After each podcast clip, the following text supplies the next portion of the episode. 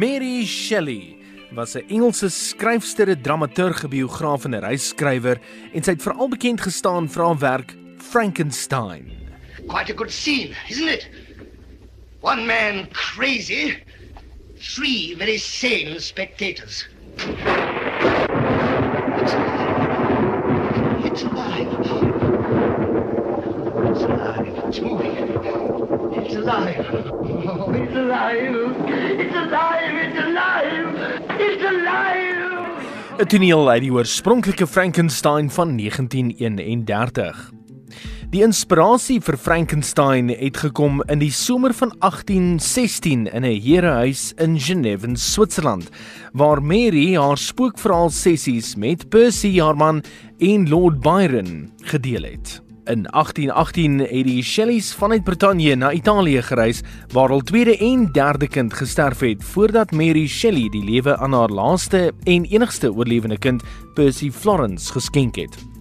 In 1822 het haar man verdrink toe sy boot tydens 'n storm in 'n baai vergaan het.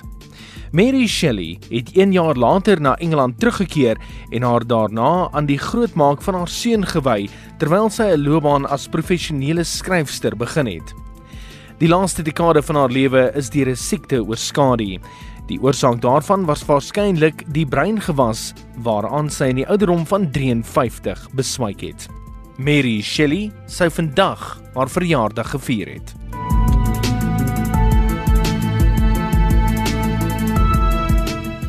Frankenstein vind vandag steeds groot aanklank by lesers en verskeie kere is dit reeds vir toneel en televisie verwerk.